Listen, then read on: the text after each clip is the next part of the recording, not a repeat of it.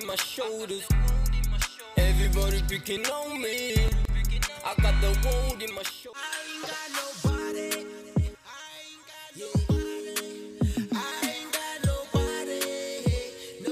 This is the Mega Show. with Copy Magage.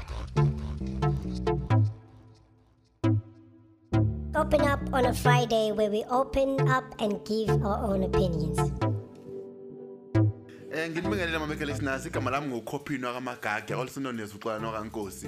Eh this is the Mega Show episode 7. Hey sesihambile. Sesihambe kakhulu. Ngibonga kakhulu nje ukuthi nisilalele we have over 100 plays and eh siyabonga kakhulu ngokuthi eh nisilalele every day eh taking our links niwadlale watching our videos on YouTube subscribing kuyo iYouTube lokho kuyasijabulisa kakhulu something esiyenza nje elokushini siyi youth yasemadadeni kakhulukazi futhi section 7 eh namhlanje eh sine topic yethu ngihamba ngedwa ngihamba solo. Eh uBNXO i-co-host yami ikhona kodwa namhlanje kuma guest for the topic le sikhuluma ngayo namhlanje. Uya relate kuyo kakhulu. Eh namhlanje sikhuluma eh about i-abolishment of i-corporal punishment oku act number 33 of 1997 sizoze nje ama guest ethu azothini? Ngokuvalwa kwenduku. Asikhulume ngokuvalwa kwenduku kuphela eh, ema emakhaya but sisho lasezikoleni yabo? Kodwa kakhulukazi ezikoleni yabo? Nokuvala li recently nje in 2 years noma a year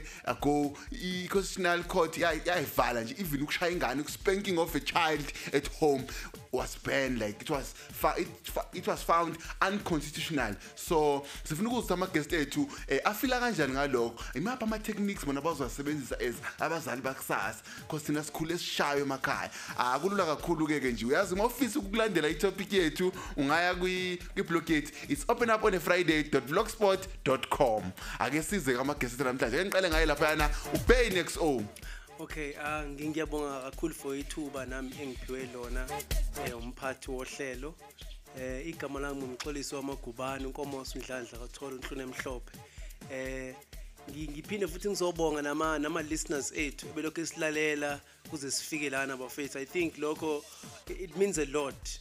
as si- si- siqala i-podcast yethu benikhona all along nisilalela and so forth yabo and and ngibonge kakhulu ngibonge kakhulu for itopic yanamhlanje Open up Ngicabanga on a ukuthi nami Friday iyangithinta, where we open 'cause up and in, give in, in our few own years opinions. 10 years ago nami bengiyingane you understand be be be be be, be bekukhona umuntu ebenginakekela i know that stuff bengishaya bengidiscipline i know that stuff so namhlanje ngifuna ukuthi kahle kahle ngi- ngiyibuke kahle yonke le lento le ukuthi kahle kahle was it right yini ukuthi bangishaye and bang ba- ba- ba- ba- ba- bangiphanishe in a way yabo mina ke indlela engicabanga ngayo bafethu em ngicabanga ukuthi akukho right ukuthi ingane ishawe.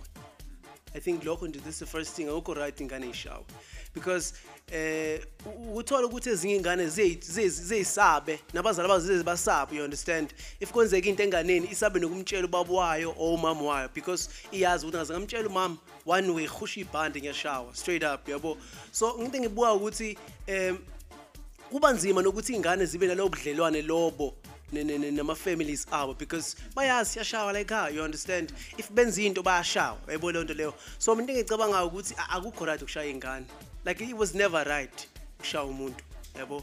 And as much as ziningi indlela ongafundisa ngayo ingane ukuthi ikwazi ukwenza into e-right uyabo njengokukhuluma nayo ingane i think lokho kubalulekile kakhulu. I feel like abazali bethu as, as s- s- singamazulu a- a- a- aba- abasithathi isikhathi sokuthi bakhulume nathi. Bake baxoxe nje nathi ukuthi okay um mntanami yini ofuna ngiyenze kanjani kanjani? Abakwenzi konke lokho you understand? But into abagood kuyo ngizokushaya they just say that mawukade ngizokushaya yabo leyo nto leyo.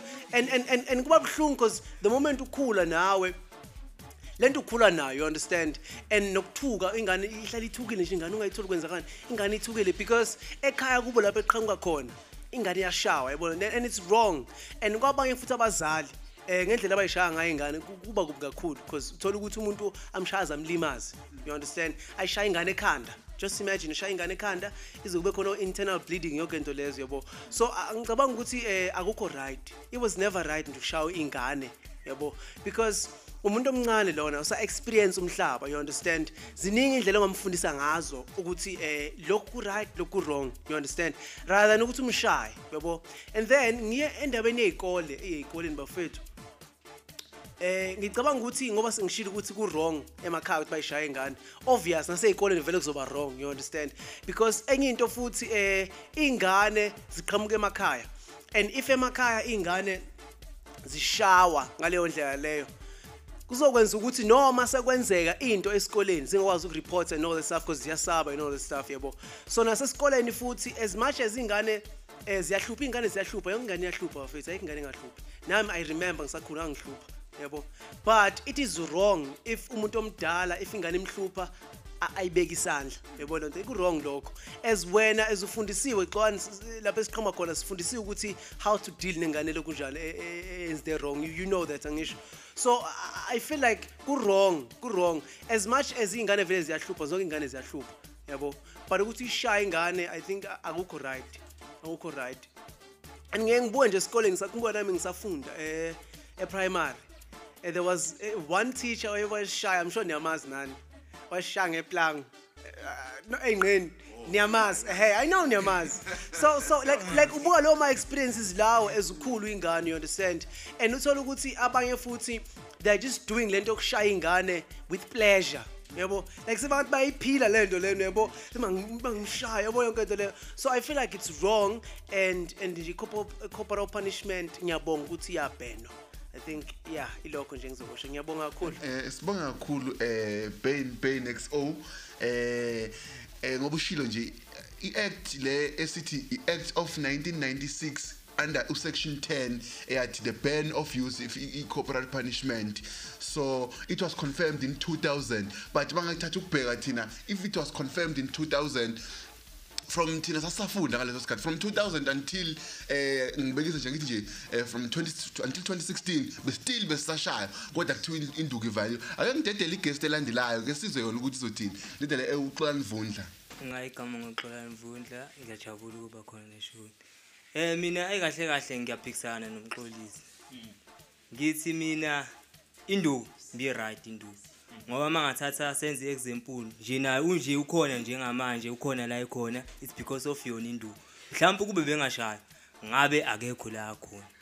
Emakhaya kokuqala into engizoyisho iy'ngane lezi zisebenzisa ama-drugs ngale ndlela it's because ayisekho into abayisabayo ukuthi if ngenza into kanje kuzo-end up kwenzeka kanje. Yabo. into yethiwa mina ngithi induku kahle kahle into e- e- ebi-right isadingeka namanje. Ey'koleni nakhona futhi iyadingeka kahle kahle induku so nje ngokubona kwami mina kube wrong ukuthi kuvaleke induku. Kuba kanje izinto eningi zenzeka kanje ngoba induku ayisekho. Ya ngisho njalo ngithi hayi induku iyadingeka ngathi bengathi kubuyiswa Ngathi futhi kubuyiswa. ngokubona kwami.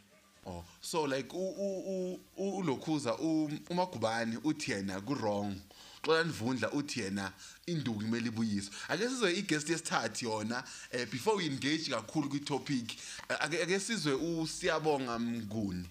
Ngicawuthi ngisho ngisho kahle. Siyanda mnguni. Siyanda Hey. Mnguni. Technically, eh ake Hayi, ngisize futhi. mina ngizobola umjito ongathi ikhabe samsotho yabo? So like ngiyavuma ngiyaphikisa. Like ngumjito vele opinionated ngayo yonke into. So like ngizoqala ngivumele ukuthi i-wrong yabo? Yes.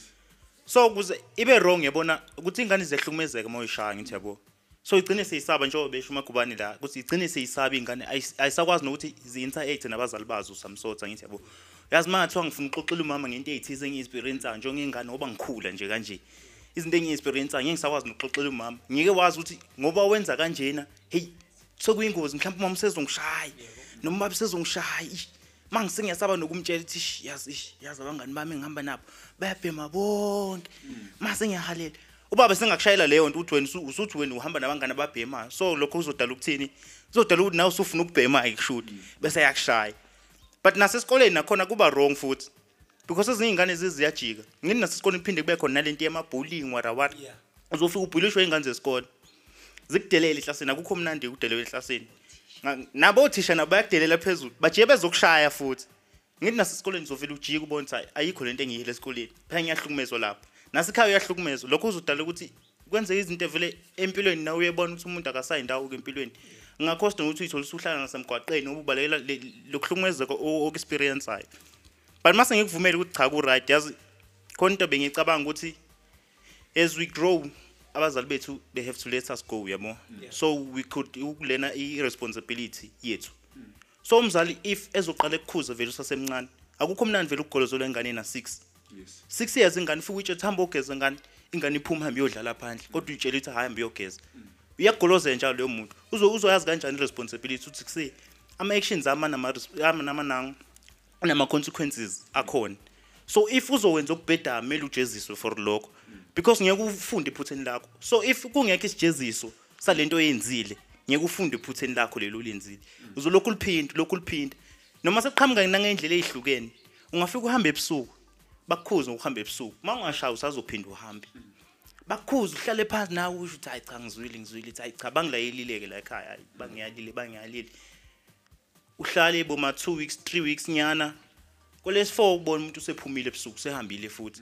Futhi kuyingozi nangokuphuma. Ma mabekushayile futhi mabekushaye kahle abazali uyazi ukuthi mangenza ukuthi one mistake kuyabhubha kuyabhubha. So umuntu uyakwazi nokuhlala endleleni uyazi ukuthi akumele ngenze ukuthi nokuthi nokuthi nokuthi ngoba ngizoshawa. Nalapho uyakwazi nokufunda irresponsibility ukuthi yazini kumele ngiyicabangele nami mangenza into kanje ngiyazi ukuthi uzokwenza ukuthi. So nami ngiyicabangele ngokwami ukuthi hayi ngoba ngenza kanje ngizoshawa.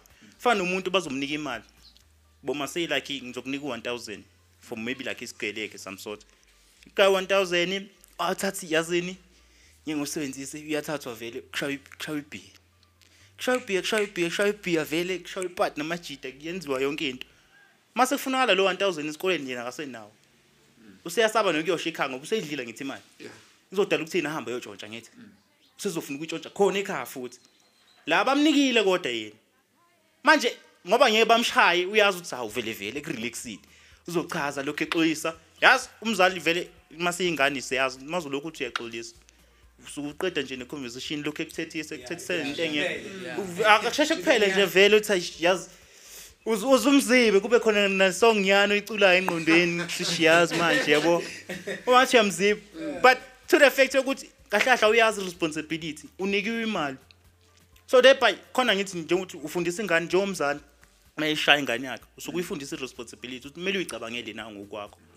So for the fact ukuthi ingane izofika ikhule ingashayi ingazilutho ngeke wazi ukuthi ama-nakhozane ama-consequences ukuthi ungalaleli nasesikoleni ungawenzi umsebenzi wesikole awuwazi ukuthi yini necabanga yi-poverty yabona izinto ozozenza ama-actions akho owenzayo esikoleni awuyenzi umsebenzi kumele uphoqeleke ukuthi uyenze. La ngaphandle inzima ilife. Yeah. after grade 12 ningangibuza mina sengiyibonile. Yabo mase esikoleni ilife kahle kahle ireality isivalelekile. Isivalelekile. Sa- sazi lokho okuncane esikwaziyo but if uphuma ngaphandle life ayikho mnandi ayikho mnandi. Laphana izinto kumele uzenzele. Kumele uyibambele ngesandla zakho. So wena uma ujwayele ukwenza izinto udedelwe nje kanje. Wazi ukuthi hey ngoba ngenza kanje hayi ngeke kwenze akekho ozongivimba futhi. Akekho. Uyenza nje. Uyenza nje. Uyenza. Nasekhaya once uyangena uyangena. Uma ukuthi uyaphuma uyaphuma. Akekho ozokuvimba. Angithi to the certain point yokuthi umzali mayekubona wenza into kumele ahlale phansi njengoba ungumfana nawe umfana masubona lo uhamba namntombazane kumele behlale phansi nawe abantu abadala obhuti bakho abadala bahlale phansi bakuyale bathi hayi uyenza kanje kanje kanje kanje kanje. Ungakwenzi ukuthi nokuthi. Ngathi ngiyibambe lapho. Hayi yazi eh co-host ah, ah, yazi ngibiza ngo-co-host namhlanje. Yazi each and every day sihlezi si- si- sinabantu aba-opinionated like ngale ndlela le. Yabo kodwa-ke eh, sibonge kakhulu futhi we, we know how to choose abantu aba Ake- ake- ake ake ngize kuwe eh, eh, mr makubani by the time i-statement lesi siphuma sokurelease ukuthi bayibhene i-corporal punishment ucanga ukuthi othisha yabathi yababekaphi leso statement leso?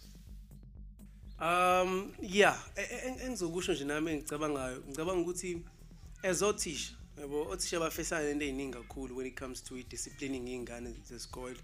And I I feel like somehow lento lena yabenza bakwata because they know manje ukuthi ingane njengoba beseshilo ukuthi eh, ingane if uyi- uyi- uyinikeza lento lencane leyo kushaya zizokwazi ukuthi zikuhloniphe into futhi ebalekile inhlonipho you understand? So the moment i- kuthiwa manje kushawa akusavumelekile.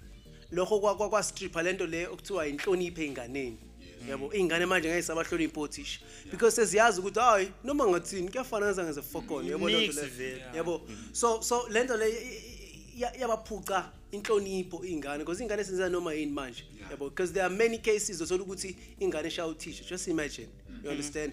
As much as nami ngingayivuma indaba ye-corporal punishment but ngivumela nepoint lelo show ukuthi othisha as as abazali futhi nabo they, they were not happy ngokuthi ilokhunjwa into leyo ye-corporal punishment. Eh and yeah ziningi izinto engazisho afet but engizokusho kakhulu ukuthi eh, eh, ukuze ideclare ibheno i-corporal punishment othisha whether they were not happy because eh lento lena i- i- iphu- iphuca ingane inhlonipho. Like ingane ngeke sabahlonipha and and- and konke lokho yeah. Ngiya- ngiyakuza impela eh eh Phoenix oh I'm sure uzazongitshela some experiences osuke wabona Yeah. since athi sesikoleni. Ake ake ngize kuwe eh Mr Vundla. Ngoba thi ngibuzile nje same question but not as a teacher or teacher. Do you think ke since le yabazali yokuvala wenduku ekhaya into ya recently cishe is 2018 if not uh, 2017 Yeah. Ga- ugovernment lethi even ukushaya nje ingane yakho nje ekhaya asisakhulumi ukuthi esikoleni manje sikhuluma nje ekhaya akuvumelekile. So wena ngicabanga kwakho yabashiya kuphi-ke bona-ke abazali-ke ke kakhulu? Ah, akekho umzali ongajabulela lokho ukuthi angasakhoni ukuthi adiscipline ingane yakhe. Kuyimanje ingane sizenza noma yini ngendlela ecabanga ngayo ngoba manje akekho ozoyitshela ukuthi yenza kanje ngoba igcinwa khona ayikho into azoyenza uzokhuluma zenza noma yini. Yabo ekahle kahle ingane ngathi seziyayilawula manje. So nje akekho umzali ongajabulela leyo nto. Abazali yabona basenkingi babhekene nenkinga manje ngoba sekuhlukumezeka bona abazali kahle kahle ugcineni kwayo yonke lento ni. Yona nje ngasho ukuthi ayibalimazile abazali kakhulu. balimazile kakhulu. Mm. Mm. Ngiyakuzwa mr mr vundla. Ake ake ngibuyele kuwe eh siyanda. Yabo. Eh wena wena ke nje eh, personally eh ake ake sikuthathe umzali. Ngiyazi nami mhlawumbe ungakabi nangane or something but ke akusese as umzali. Yabo how will you discipline your kids? Ba mina kwamanje sacanga induku nje i-right so to yabona induku yenza umuntu enze everything omyala ukuthi ayenze. So uma ngathi yenza ukuthi uma ngokwenzanga ngiyakushaya obviously umuntu uzokwenza. Angithi manje sesibuka ama-tv esikhathi esiningi sesinamafoni facebook whatsapp warawara yonke into ekhona nje yakumedia so umuntu uzofika athi akenzi into hlale kuthatha isikhathi eside ukuthi ayenze leyo muntu usahleli ubenzani buku-tv it's either noma ubhizi efonini. Ngeke ayenze leyo nto ngaleso sikhathi ofuna ngaso. Uzofuna ukuyenza ngesikhathi sakhe. Yena uma eseyithola ukuthi sengi-free khane ngiyoyenza. Sometimes kwenzeka ukuthi umuntu abuye ayikhohlwe leyo nto. But uma yazi ukuthi ngizoshawa yonke into uzoyibeka phansi ngiyabeka ngiyoyenza lokhu okushiwo. Afike akwenze abuye azohlala phansi aqhubeke nento yakhe. So zwana uma kanjalo so if so uyavuma ukuthi ungiseyisebenzisa induku angisebenzisi. So what if ingane yakho ihambe yokubophisa? Since the constitution ithi manje awishaya ingane. Inelungelo lokuthi isuke ihambe yokubophisa la amaphoyisa ngiya- ngiyabona ukuthi akenzeki kodwa ngiyabona ukuthi in fears to come kuzokwenzeka. Iya iyakhona lapho. So what do you do ke? Ke usuyaboshwa eh okay maybe isigaba sakhona ngesibe sikhulu ngaleyo ndlela. Usuyabuya ekhaya wenza njani? How do you look at your kid? Yazi ku- kule extent yokuthi eh uma uyishaya ingane khona vele abantu uma beshaya ingane ba- baphuma all out. Sebenziswa. Phuma all out yabo ishaya ingane angaze iluma ikhanda ingane eshaya lum qhuma izinyo isibhakela imvubu ugesi. Yingakho kuthiwa ingane kumele uboshwe lapho. Akumele ushaya ingane yakho ushaya ngathi manje sekuyisigebengu esikhulu. Shaya nawe icabangele ingane cha. Hayi ngoba ngikushaya ngoba ngikuzonda mntanami. Cha ngikushaya ngoba ngifuna uwenze lokhu engikushoyo. Emhlabeni kukanje if ungawulandeli umthetho wasemhlabeni kubo kuzokwenzeka. Kuzoba wesinalokhu engikushaya ngakho. So uswazi uma ngilekho esihlahleni ngiyakwazi umshaya umntwana. So to ukuthi ngizoboshwa seme mina ngisaba ingane yami-ke manje ukuthi ngeke ngisakwazi nokuyishaya phela manje endlini. Izongibophisa phela. Ma ngiyabona ukuthi hayi ngathi kuyabheda. Nakodwa hayi ngeke phela ingane kumele iqonde. Uma ngibophisa uma ngihambe ngiyoboshwa ngibuyi umthetho usamile. Uma uhlula lo mthetho engubekile la ekhaya kumele uhambe. Kumele ihambe kumele ihambe. Angithi angithi phela ufuna ukuyiphatha. Phela angithi ufuna ukuyiphatha. Okay yazi ngiyabona impela iyahit up discussion ake sithathe ibreak nje encanyana nje sike sithi ukuthi sehlisa nje imoya. Sibonge kakhulu mameka listeners Tune out after the break. ivele nje idedele impama nje. Kimi? Hawe ma. Washaya ingane yazo kubophisa yabona ingane mayibuya esikoleni? Buya kuyakhunyulwa kuyadliwa kona open up on a Friday where we open up and give our own opinions. Eh sibonge kakhulu mega listeners ngokuthi nje sithi ukuthi nje breaking bese uphuza amanzi eh nizwile discussion babekile kama guest ke wabeka lapha yana usiyanda ngona ukuthi yena into angayenza ukuthi ingane uzoyishaya. Mayishayila bosha phinda mayebuya. If ihluleka ukwenza imithetho le imithetho kumele iyenze kulula kakhulu. Uzobe senze yani ethi ayihambe ngifuna ukubuza ke mina u- u- ulokhuza ke uxolani. Uxolani ukuthi wena xolani ke ake sizwe wena wenza njani wena? Uyayixosha ingane? Ngabe ku right uxosha ingane? Noma ngaba akukho right? Remember it's your kid. Sinama street kids amaningi kabi la ngaphandle. Yabo? So wena are you going to add kulawo ma street kid as as eqeda kusho usiyana ukuthi yena cha uzoyixosha?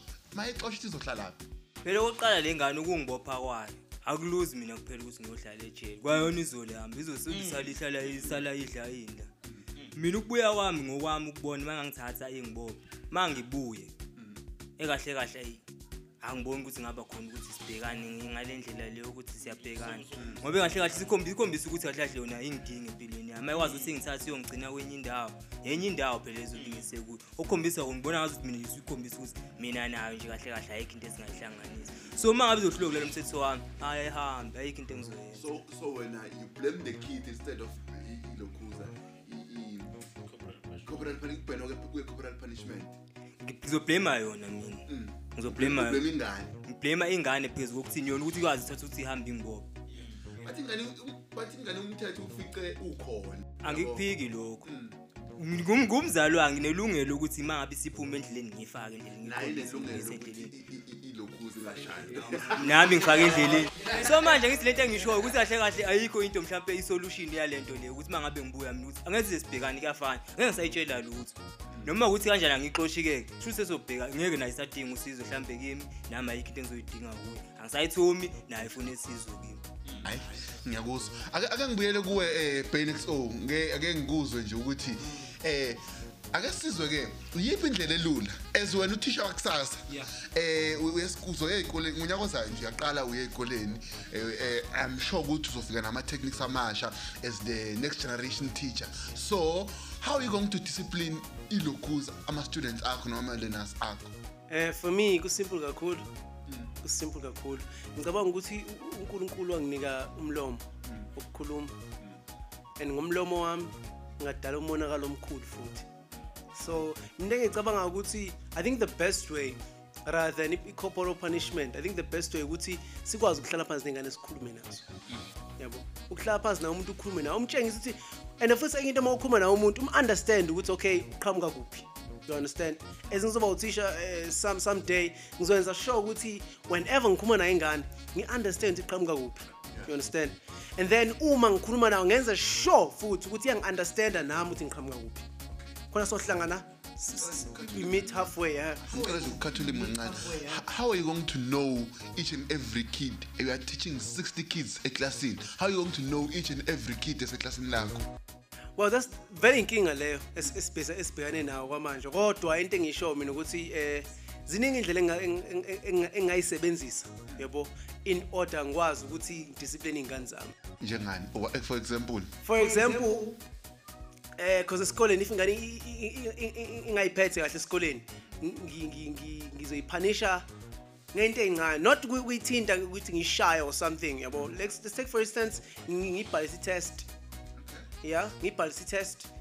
Um isale maybe after school yabo doing ama extracurricular activities yonke lento lezo. Just so izokhona ingane nayo ukuthi as much as ngizama ukuyipunisha but ngiyayisiza at the same time. Ngiyayisiza ukuthi ikwazi ukuphusha nesey'ntweni zesikole yabo leyo nto leyo. So i think mina we have to develop an approach yokupunisha iy'ngane. You understand? I-approach ethi as much as ngifuna ukuzisa ubuhlungu mntanami kodwa ngifuna ukusiza at the same time. Yabo leyo nto leyo? I, thi- i think lapho kukhona okungenzeka. And futhi nengane naye ingabona. Because enye into futhi abazali they bayipunisha ingane ingane zeyibone ngathi hayi umama kangifuni mama ngamthiya ngizondi hayi mama usengishaya kanje. Mama mama ngasanginika ukudla. Yabo yonke lento lezo. Ingane yenzela ukuthi ibe nenzondo ngaphakathi yabo? But we have to develop an approach where sithi okay ngifuna ukuzisa ubuhlungu because wenzite wrong. It's more of a punishment angisho. But ngifuna ukutshela ngiyakuthanda mntanami. Yabo beyibona lento leyo? And ngifuna ukusiza ukuthi bo umuntu ongcono kusasa yabo? I think if you can develop i-approach enjalo as much as ngeze ngazi because u- u- ungazama u- u- ukudiscipline umuntu ngenye indlela thothi leyo ndlela imhambeli yena because u- abantu bahlukene you know that angisho. Ya uthi uyamzama ngale ingavumi le eyi kumele mawuzamenge yabo. Kodwa into engisho yilokho kumele sikwazi ukuthi siyisipande sizozithula into lezi.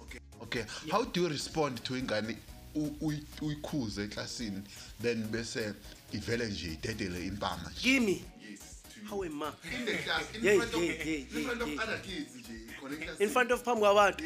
Ya- ya- yabona nje yo yo yo a- a- a- angafuni uyicabanga kodwa into engingayenza mina because ngi-professional yabo ngingayithatha leyo ngane leyo siphume siye nayo thisha omkhulu because uyazi nami as uthisha angivu- anginalo ilungelo lokuthi ngibeke ingane isandla.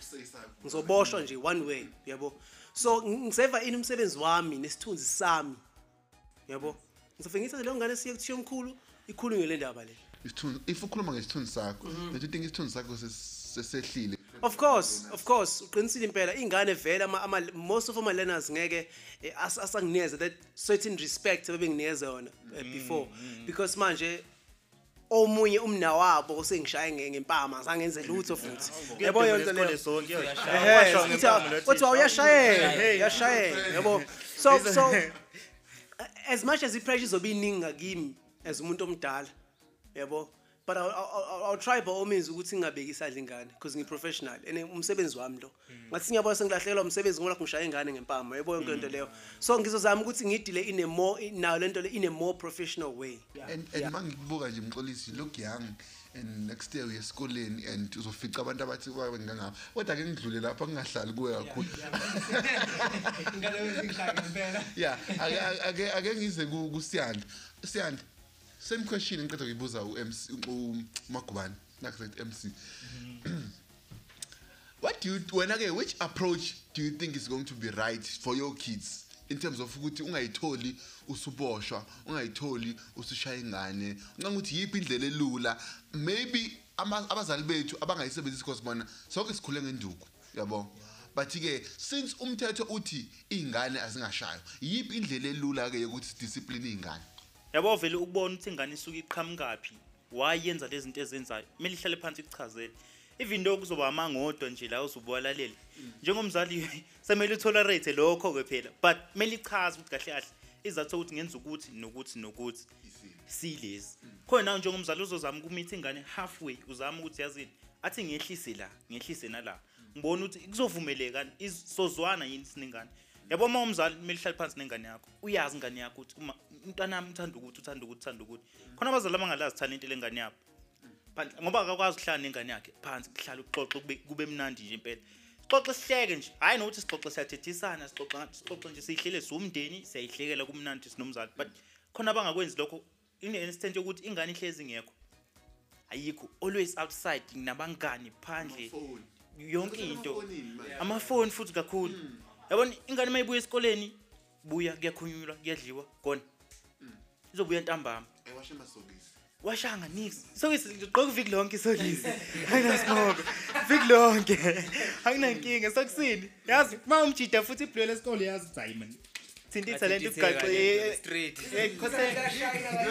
libeka lapho uzolibona selicobezela amadoli selingcolile-ke manje. Ma ngafuna uma watshelwa umuntu ukuthi yenza ukuthi ngeke ukwenza ngeke. But ma ma ngizoba nomzali ma sizoba ne-relationship njengomzali uyazi? Uma ngifika endlini uma ngifika njengomfundi ngifike ngibeke isikhwama. Naye mama mevuke besebenza. Ma mhlawumbe umthola phandle for instance maybe uyishanyelela ibala. Ngeke ugijime uyothi mama ngifuna ukudla. Nawe nje ngane ngena endlini bheka ukuthi ungenzani. Esheshayo uma uzodla njengoba ulambile usheshe wenze. Understandane nomntwana ngithi yabo so sen mayineyinkinga ize kimi ingane. Not ukuthi manje sekumele icabange amaqhinga angekho manje yes mama ngimshaya umqondo kanjani kanjani manje? Phela ngizama ukuthi ha eh as-understandane okay. Mm. Mr. okay s- singabekisa ke ingane yakho isifike to an age le yo yo 15 14 yeah yeah. I- isi- isi- yomfana as as now umuntu esilisa isiyafika you said wena you want a relationship ayithi nengane yakho. Isiyafika ke sizokutshela ukuthi asibaba kunentombi engiyibonile. What do you do? mm mm, yabo lapho you said you want a relationship angithi so nayi relationship iyafika baba? Yazi kanje nentombi and kungadlule sekuyadlulela lapho. Ake sikhona ke usufuna uku-engage usufuna uku-engage ku-sexual intercourse. Ya lapho yabona i-relationship isiza lapho-ke? Yabo uma sine-relationship e- emnandi nomntwana kuzokusiza ngokuthi izokwazi ukuba open kuwe ngalezo zinto lezo. Yabo njengengane awukwazi vele uqonda umalume wakho emtshe uthi malume yazi manje sengiyathola manje lapha kanjani kanjani. Ngeke ukwenze lokho. But if i-relationship yenu izobe imnani ngaleyo ndlela yokuthi siyakwazi ukukhulumisana siyakwazi ukucommunicate izokwazi ukuba open. Ithi bama manje kunentombi kanje kanje kwenzeka kanje kanje kanje. Nami njengobaba waleyo ngane noma ngumalume wayo noma noma ngathi ubhuti wawumdala ngizokwazi ukumtshela ukuthi mntwana nazi into kumele unayo kanje kanje kanje before u-engage kulezo zinto. Futhi kumele umxwayise kakhulu nange-protection ukuthi yabona if wenza ukuthi nokuthi impumela yakhona kuzoba ukuthi yabona nokulala ngaphandle kwekhondom ngadala ukuthi kube pregnant. Mina ngondla wena wena uzomu- uzoyondla ngani ingane yakho? Ngithi yabo. so naye uzokwazi ukumenza ukuthi aqaphe abe cautious ngezinto azenzayo ukuthi yazi ngiyaliwe ekhaya ukuthi ngingakwenzi ukuthi nokuthi. nokuthi. So naye umuntu uzokwazi ukuyicabanga ukuthi mina ngiyondliwe ekhaya. so uma ngalethi ingane manje izoyondliwa ngaba ngcono kanjalo into ebalekile umfowethu afuna ukuyisho kodwa singene emlonyeni into ayi- aba- ebalekile afuna ukuyisho ukuthi eh, khuluma ney'ngane kodwa sihlale phansi sikhulume nazo iy'ngane zethu if unayo ingane hlala How do you phansi ukhulume respond to nayo ingane we understand uyi- because ayikho into uyikhuze ebalekile asini, njengaleyo then umntwana bese agcine ivele nje idedele impanga nje. ake sithi-ke e- ekhaya as umzali as ubaba um nonkosikazi. Ngiyabekisa ngizwe ngiyakufisela lokho. Asithi unkosikazi wakho ufika ufike nengane a-step child eh, i- in the marriage yabo? So how do you discipline leyo ngane leyo? How do you talk to leyo ngane? Whether umfana whether intombazane uyawazi ama-experiences in terms of ama-females nama-males what do you do? Uyazi ukuthi if uyidisciplina ulokhu uzo- umamayo uzokhuluma athi kusiyona Yeah, yakho," yeah, all of those things? What do you do kule- kuleyo situation leyo firstly ayikho into ehlula ukuthi ngizame ngayo yonke indlela ngiqale ngibe umngani kuleyo ngane le safika nje.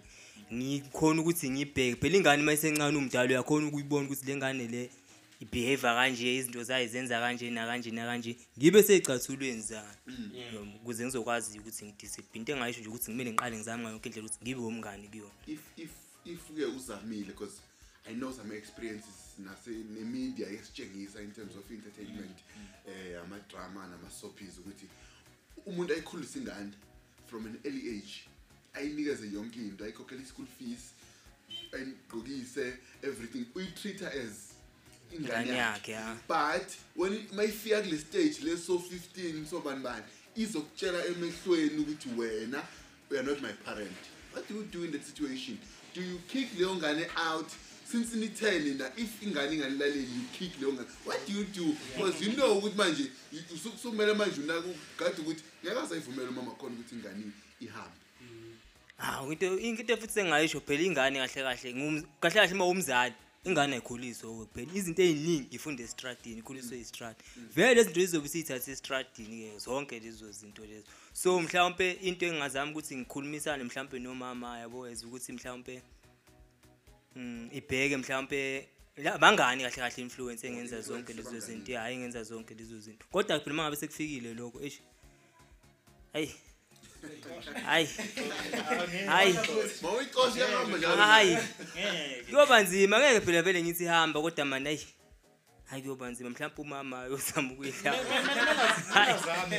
hawu umama uyozama Mama, ang- ang- ukuthi manje in this conversation akekho umuntu wesifazane. I wanted umuntu wesifazane but they couldn't make it. Because balinente kakhulu abantu besifazane. You know mama bethu. You know. Yabona nje uyamazi nawe ukuthi if kuba ukhona ubaba nomama if une problem mina nje i don't just go kubaba "Baba, ngomama, uyavela." yabo ngifuna ukuthi. if ngifuna into kuzomele ngikhulume nomama. Umama uyena ozohambe yokhuluma nobaba yabo? So balinyeni kakhulu. So uxosha kanjani nje ingane? Because ngiyazi avuma umtshela kahle ingane yakhe ingane yami le ngayithola nine months. yebo lona angisho ukuthi fethi ngizoyixosha. Uyena shuthi kahle kahle uzothatha uzothatha iy'nqumo kuyo yonke futhi phela le nto ayikho into engizoyenza fethi mina lapho ngoba izongitshela emehlweni awusuwubabami wena. Hhayi-ke, shuthi ayikho into engizoyikhuluma Hayi, nawe. ngiv- nginqamula kancane yabona umama like uyi- uyi-connection between iy'ngane nobaba. So iy'ngane uma yifuna something zizokhuluma nomama. Umama akhulume nobaba. Ubaba yena ma- mhlampe uma ukuthi usebenzele ekudeni utshela umama uthi awutshele labo benza ukuthi nokuthi nokuthi lapha ekhaya. So vele kuya-understand ukuthi umama uzoba ilink yokuthi kahle kahle nguye ozobe zama ukuhlanganisa. So mina uma ngihlulwa ingane nguwubaba sokumsebenzi wakho ukuthi kumele ayihlanganise ayikhombise ukuthi mina ngimdala. Inebhayibheli liyasho ukuthi hlonipho omdala nawe uma umdala umhlonipho omncane. So uma ngubaba ngizozotha ngithi mina ingane ishile athi angisuwubaba wakho. Ya- ya- Ya- yabo mina-ke ngum- ngumuntu ongangincingisa msot like ncinga hayi cha Hayi, shame. Xosha straight. ngeke ngiyixoshe ngeke ngiyixoshe yabo to the extent ukuthi ingane mayithi awusuba bakho nawe awu- awuthi ustopha kancane ukuethisa kwababwayo ngithi stop hayi awunayo ipoint qinisile stop angithi yabo uma ustop ukuethisa kwababwayo angithi awusuba bwayo so uyastop angithi umuntu iphuthu lenza namhlanje kusasa uyayisola. So izolo uthi angisuba bakho mina mase ngingasuba bakho kusasa nakusasa nangakusasa uzothini-ke? Uzobusuthini kimi? Ngoba ngizokukhumbuza ukuthi hayi wena wathi angisuba bakho manje dinga something. Uma sedinga something. Angithi lento esibambile yabo Eh, i-black- yabo uyiblackmaila ngayo yonke into ingane nangemali ungayiblackmail angithi to the extent yokuthi yabo kube thina wathi uzala uyingane encane wazala usunemali yakho kuba uhlali nabazali bakho. Uyidlalela le nabangani nenza yonke into oyifuna konke but to the fact ukuthi uyamdinga umzali. Kumele kumele uyikhombise ukuthi okay fine angisubaba wakho but uyangidinga wena. Yeah. Ungayethi ngathi awungidingi. So mina uma ngafike ngivala izinto eziwu-two eziwu-three ngiyimi nje kancane nami ngithi athi athi ngithule ngibo. Kuzokwenzakalani? Angithi ingane izobona ukuthi hhayi eh, ubaba lo ubaba. Wemiste khonto engicabangayo mandla. Ukhulume ukuthi ustop ezinye izinto mhlawumpe ama-allowances umvalele. Ingane. Yeah, yeah. A- awucabangi lokho sengaba yinto embi don't you think ukuthi ingane eh, i- i- ingaqala ingene koma-drugs zonke into lezo iphume ize iphume nasekhaya ithi hhayi mina phela ngenzula lutho ekhaya. Awuke ngihambe ngibe yoba And lapho street kid inki- inkinga ngalapho sizoba nawe nomama Nomama khona. unkosikazi Yabo. kamereni Se- seniyaxabana Seniyaxabana. manje. Hayi, Hayi, it's possible vele ukuthi kwenzeke ukuba ngithi vele. It's possible but angithi ngishiye ngathi awusiqinisi isandla. Njengoba beshilo nomagoma eniqeleni ithi uma uyalingana hhayi ngoba usuke uyizonda. Hhayi ngoba nakho ufuna ukuyilimaza. U- uyazama ukuyisiza same time but ukuyiphanisha uyikhombisa ukuthi hhayi mani kurong lokho okwenzayo. Awufundi ukuthi maybe uma ukwenza yenza ngale ndlela ekanje kanje kanje kanje. Hayi ngiyanizwa kakhulu. Ake sithathe ibreak yokugcina nje masibuya sesibuya ne- ne-closing phase. Hayi ama-guest ethu hayi namhlanje. Hayi kumnandi kumnandi Kuya- kuyashuka ngempela umthetho uthi iy'ngane azingashayi yiphi indlela elula-ke yokuthi sidiscipline iy'ngane? Yabo uma umzali kumele uhlale phansi nengane yakho uyazi ingane yakho ukuthi uma umntanami uthanda ukuthi uthanda ukuthi uthanda ukuthi. Open up on a Friday where we open up and give our own opinions. Eh mameka listeners eh sibonga kakhulu nje ukuthi nje s- eh nisilalele eh besayibreakini nje eh sikhuluma nge topic interesting sikhuluma nge-act ka-1996 oku act ah, I'm not sure what act number 1 but sec- section 10 ekhuluma nge-ban of corporal punishment. Eh si- si- sinama guest nje amathathu sino eh our our co-host. As a guest namhlanje eh eh u- u- u- bese siba no noSiyanda Mnguni. Eh then bese siba eh, noXola Mvundla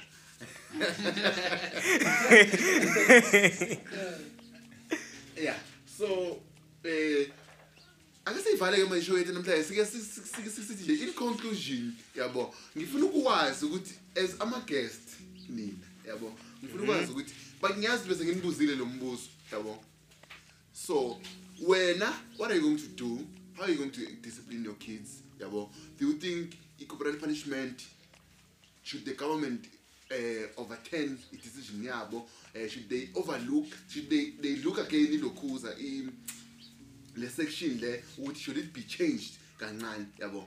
So ake ngiqale ngiqale ngawe eh xulani ya kumele athi athi uyibhekisisa akayibhekisise kahle kahle kahle kahle akumele ukuthi kuboshwe wonke umuntu ukuthi mhlambe ingane yokubophisa kubhekakala ukuthi mhlambe uyishaye kangakanani kukanjani ishayeke kanjani. Hayi ukuthi nje nokuthi uyithintile nje kancane ngeke uyithinta nje kancane usuyaboshwa. Akumele uboshwe lapho. Ngoba phela kuthiwa spanking ngoba phela kuthi ukuthi ingane nje.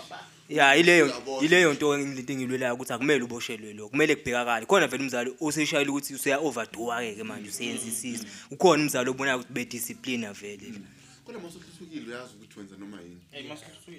Inhliziyo uma isisi high kakhulu uyabo uyazi ukuthi uvele nje wenze noma yini. So ake size Ah, wena nje what are you going to do? How are you going to discipline your kids? How is it going to work? Yabo in terms of are you going to stay with your kids? Let's say uh, we don't know ifield maybe umsebenzi uzowenza. Mhlawumbe ukuthi lapho because ngeke ngezwa some conversation khona ngaphakathi la estudio bethi kuyenze ukuthi umzali usebenze kudeni usebenze emayini Yeah. ingane iyafunda. Ekuseni mayibuya umzali ebuye ubaba ebuye emsebenzini ingane ihamba esikoleni. Yabo mayibuya esikoleni ubaba uyaphuma sinamsebenza kuma security or somewhere yabo.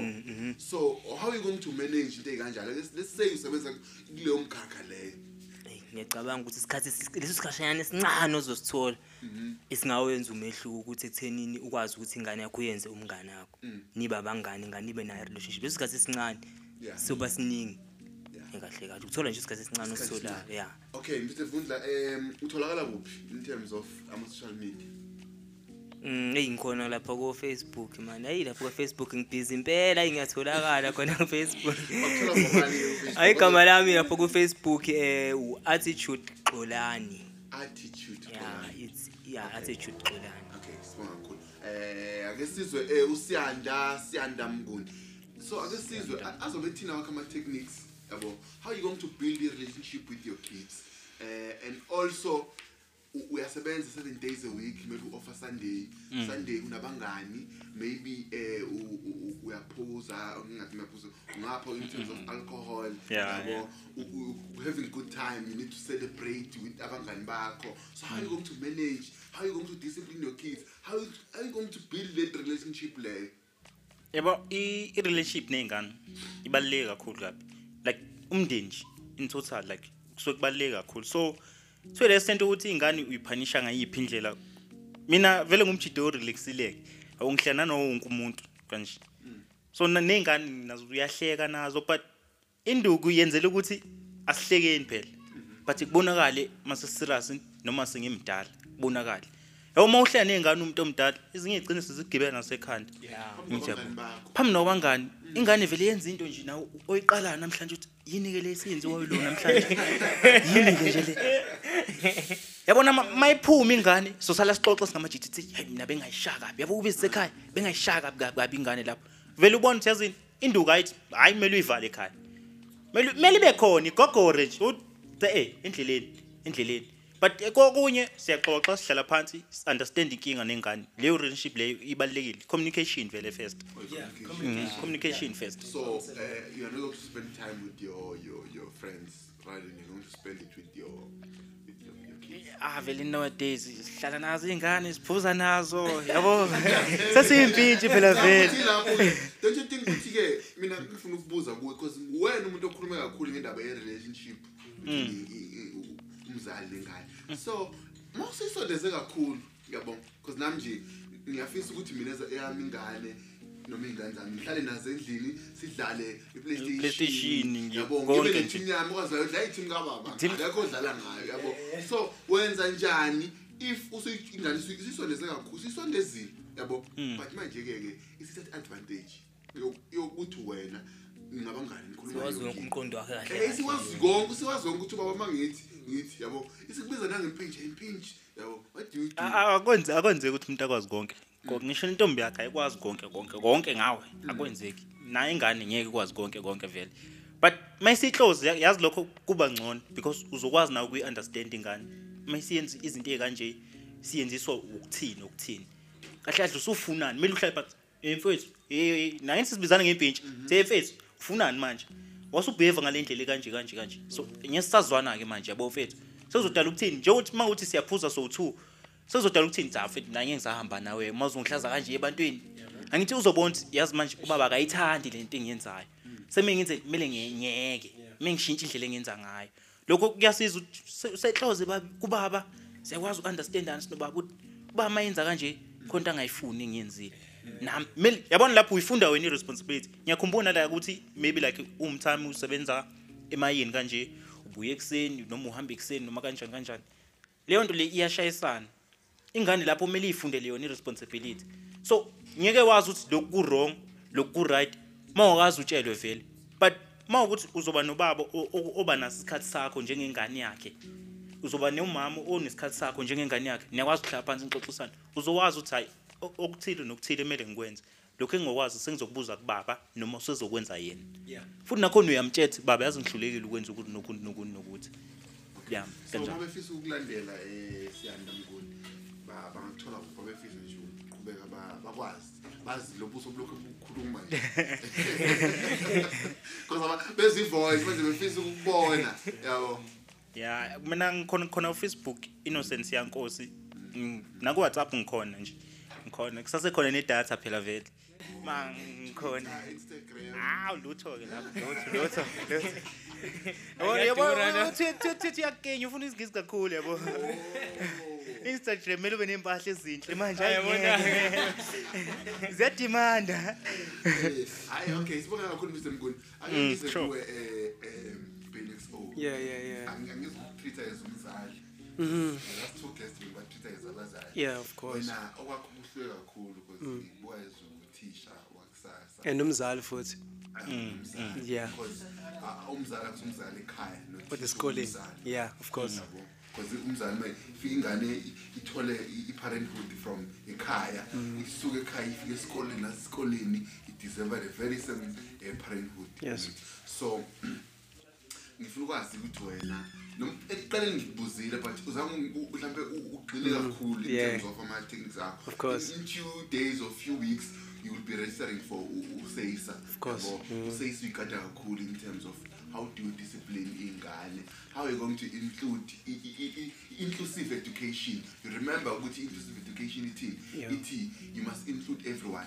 Remember ukuthi wonke umuntu unjani Hlukile, yeah. Yabo? so kumele ube nendlela yakhe e-different yokuthi um- um-assess nokuthi ukwazi ukudila naye. So how are you going to manage zonke lezo zinto? As a young person because you are young ma ngakuthatha nje kubekela i'm sure bayakwazi vele mabeka listeners they know you. Yeah, you are yeah. very young masathatha sikufake i-uniform uzovele ube like zona iy'ngane Yeah, of course. Ngi- ngiyabonga kakhulu for mbozo. Eh I think zo two into engizokhuluma ngazo right now zo two. I think it's communication and and learning from omunye umuntu but mostly abazali bazi ingane. I think with communication engasho ukuthi i-communication is key bafethu. Kuyo yonke into. Kuyo yonke into enzayo communication is key. And kwi-communication futhi khona i-understanding kuyi-communication because as much as sikhuluma there will kuzoqhamuka any understanding you will understand me i'll also understand you. Yabo? So as a teacher i think i think lokho I, i could use that to its full potential. Yabo? Ukuthi eh i must be able to communicate ney'ngane. Yabo? As much as i'm trying to be friendly because hey, I- kids don't angazi iningi ingane ingane uzaqala way- wayikwatela wayihlinela nazo ziyaqala nazo. They give you that attitude you understand? yabo, so so I'll try by all means to be friendly. I'll try to be friendly eh ngibe more lenient kuzo. Because now they are they are growing mfethu they are they'll always make mistakes you understand? So nami ngizama ukuthi ngiunderstand zonke izinto lezo. As nami and ngiyayithanda into lokuthi nami ngake ngaba ingane before. So nga- I know I know exactly. Yabo ngihambile ndlela I know exactly ukuthi kwenzakalani and all that stuff. So enye into leyo I'll be lenient be friendly and enye into futhi bafethu ukuhlonipha.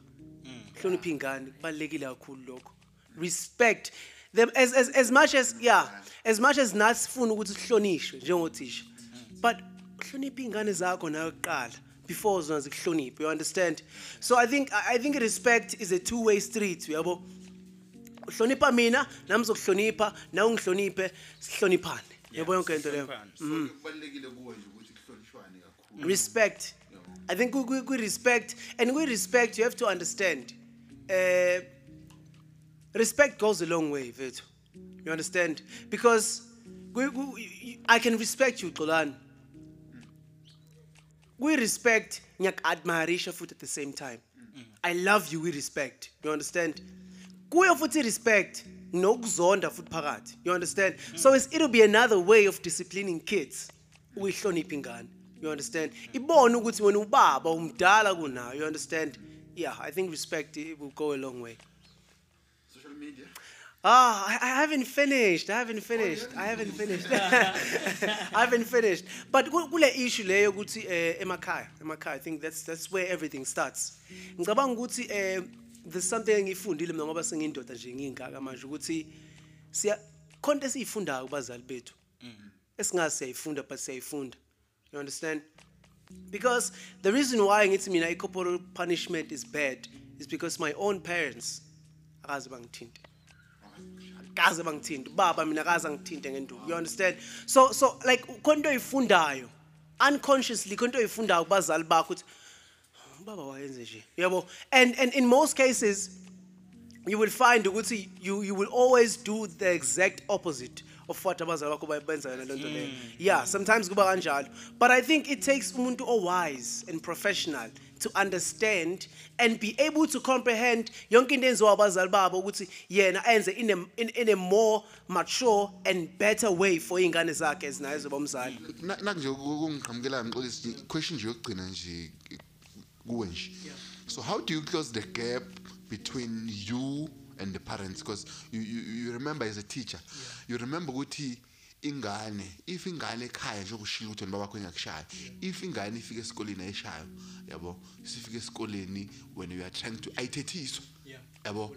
Because you, remember kwi-episode yethu eh, ya- ya- ya previous udanken wathi kuney'ngane as a teacher wathi kuney'ngane ukuthethiswa kusha kuzona ayithethiswa nhlobo yabo. How do you close the gap wena-ke as a teacher? I, I, I think enye into futhi emele umu- umuntu i-understand everyone ukuthi kuba khona ama, ama, ama situations where you find yourself in. Ma usekhaya uzobehave as, as usekhaya uyabo? But ma uqala uphume ekhaya uye esikoleni you have to by all means behave as yeah a student you understand? So ukhumbule ukuthi as as as uyingane uzele ukuzofunda. Of course you will learn new things mawufika esikoleni izinto obungazazi noziya exist you understand? So it's, it's, it's a part and parcel and it's, it's a part of learning i think. What you are going to do? Um, I, I- I think zona ingane not what i'm going to do but zona ingane they have to understand ukuthi ma usesikoleni it's another setting it's another environment. It's an environment lena edithi ma efuna ukuthi wenzeni ufunde. So you learn izinto ongazazi khona you understand? And you must be able to adapt to any situation. So your situation is through ingane not through the parents I think it's through ingane. Through ingane. But as, as much as i- i-parent ingaba ibase yayo yonke into, as much as nami I could try by all means to engage nomzali ngithi mzali kwenzakalani? Tell me yini engingayenza? Because uyamazi umuhlala naye 24/7 you understand? Yini ke mina engingayenza as uthisha wakhe? Because as, as much as we can we singakhuluma right now we all know ukuthi othisha don't they are not actually valued lokho ke nje into engizoyisho nje. Kolini kwi-knowledge they value lapho ukuthi hayi raising ingane No. because sometimes uthi uyafika umzali uthethisile ingane noma usekwenzeke something if ingane tshela umzali wayo ufike sevutha Of course, of course. So like o- o- othisha aba- ababukwa as abazali in our days manje. Babukwa as umuntu professional ozothula nje knowledge enganeni kuphelele lapho. Cha ehe. Angisho yabo yonke lonto leyo. So like I feel like we have to we have to fight naleso stigma naso futhi leso. Esikhona nje ku- kumphakathi wethu. Yabo? And yeah, ngibonga kakhulu. Ngibonga kakhulu. utholakala-phi ke um magubane Yeah, uh, on, on Facebook, ngumxolisi Ntuthuko Magubane, and on Twitter it's at Bain underscore XO, B A Y N E underscore XO, and on Snapchat it's Bain dash XO, and kuphi konje futhi? Instagram. Instagram. On Instagram ngumxolisi underscore Magubane. Thank you. okay. Eh sibonga kakhulu mega listeners. Kukhulunyiwe kakhulunywa kwabekwa yonke into. Eh kulula ke if ufisa uengage this is an interesting topic. As always sihlezi siphethe an interesting topic. So sibonga kakhulu ukuthi silalele lena beku open up on a friday where we open up and give our own opinions. Igama lami ngukophi nokamagaga but ngaziwa ngoxola nokankosi eh mawufisa mina ukungilandela ngikhona ku Facebook it's copin magaga ungaya ku Twitter it's copin underscore magaga ungaya lapha ku Instagram it's magaga underscore copin ungaya la ku YouTube to watch ama videos because we do ama videos while it's studio. Ungaya nje uthi copin magaga uzowathola. Kodwa futhi okukhulu naku Google singatholakala vele uthi copin magaga yonke into yonke into oyifunayo nje uzoyithola khona. Ama-podcast youtube twitter instagram uzoyithola yonke into. Eh sibonga kakhulu. Lena beku-open up on a friday. Um where we open up and give our own opinions. Sibonga kakhulu.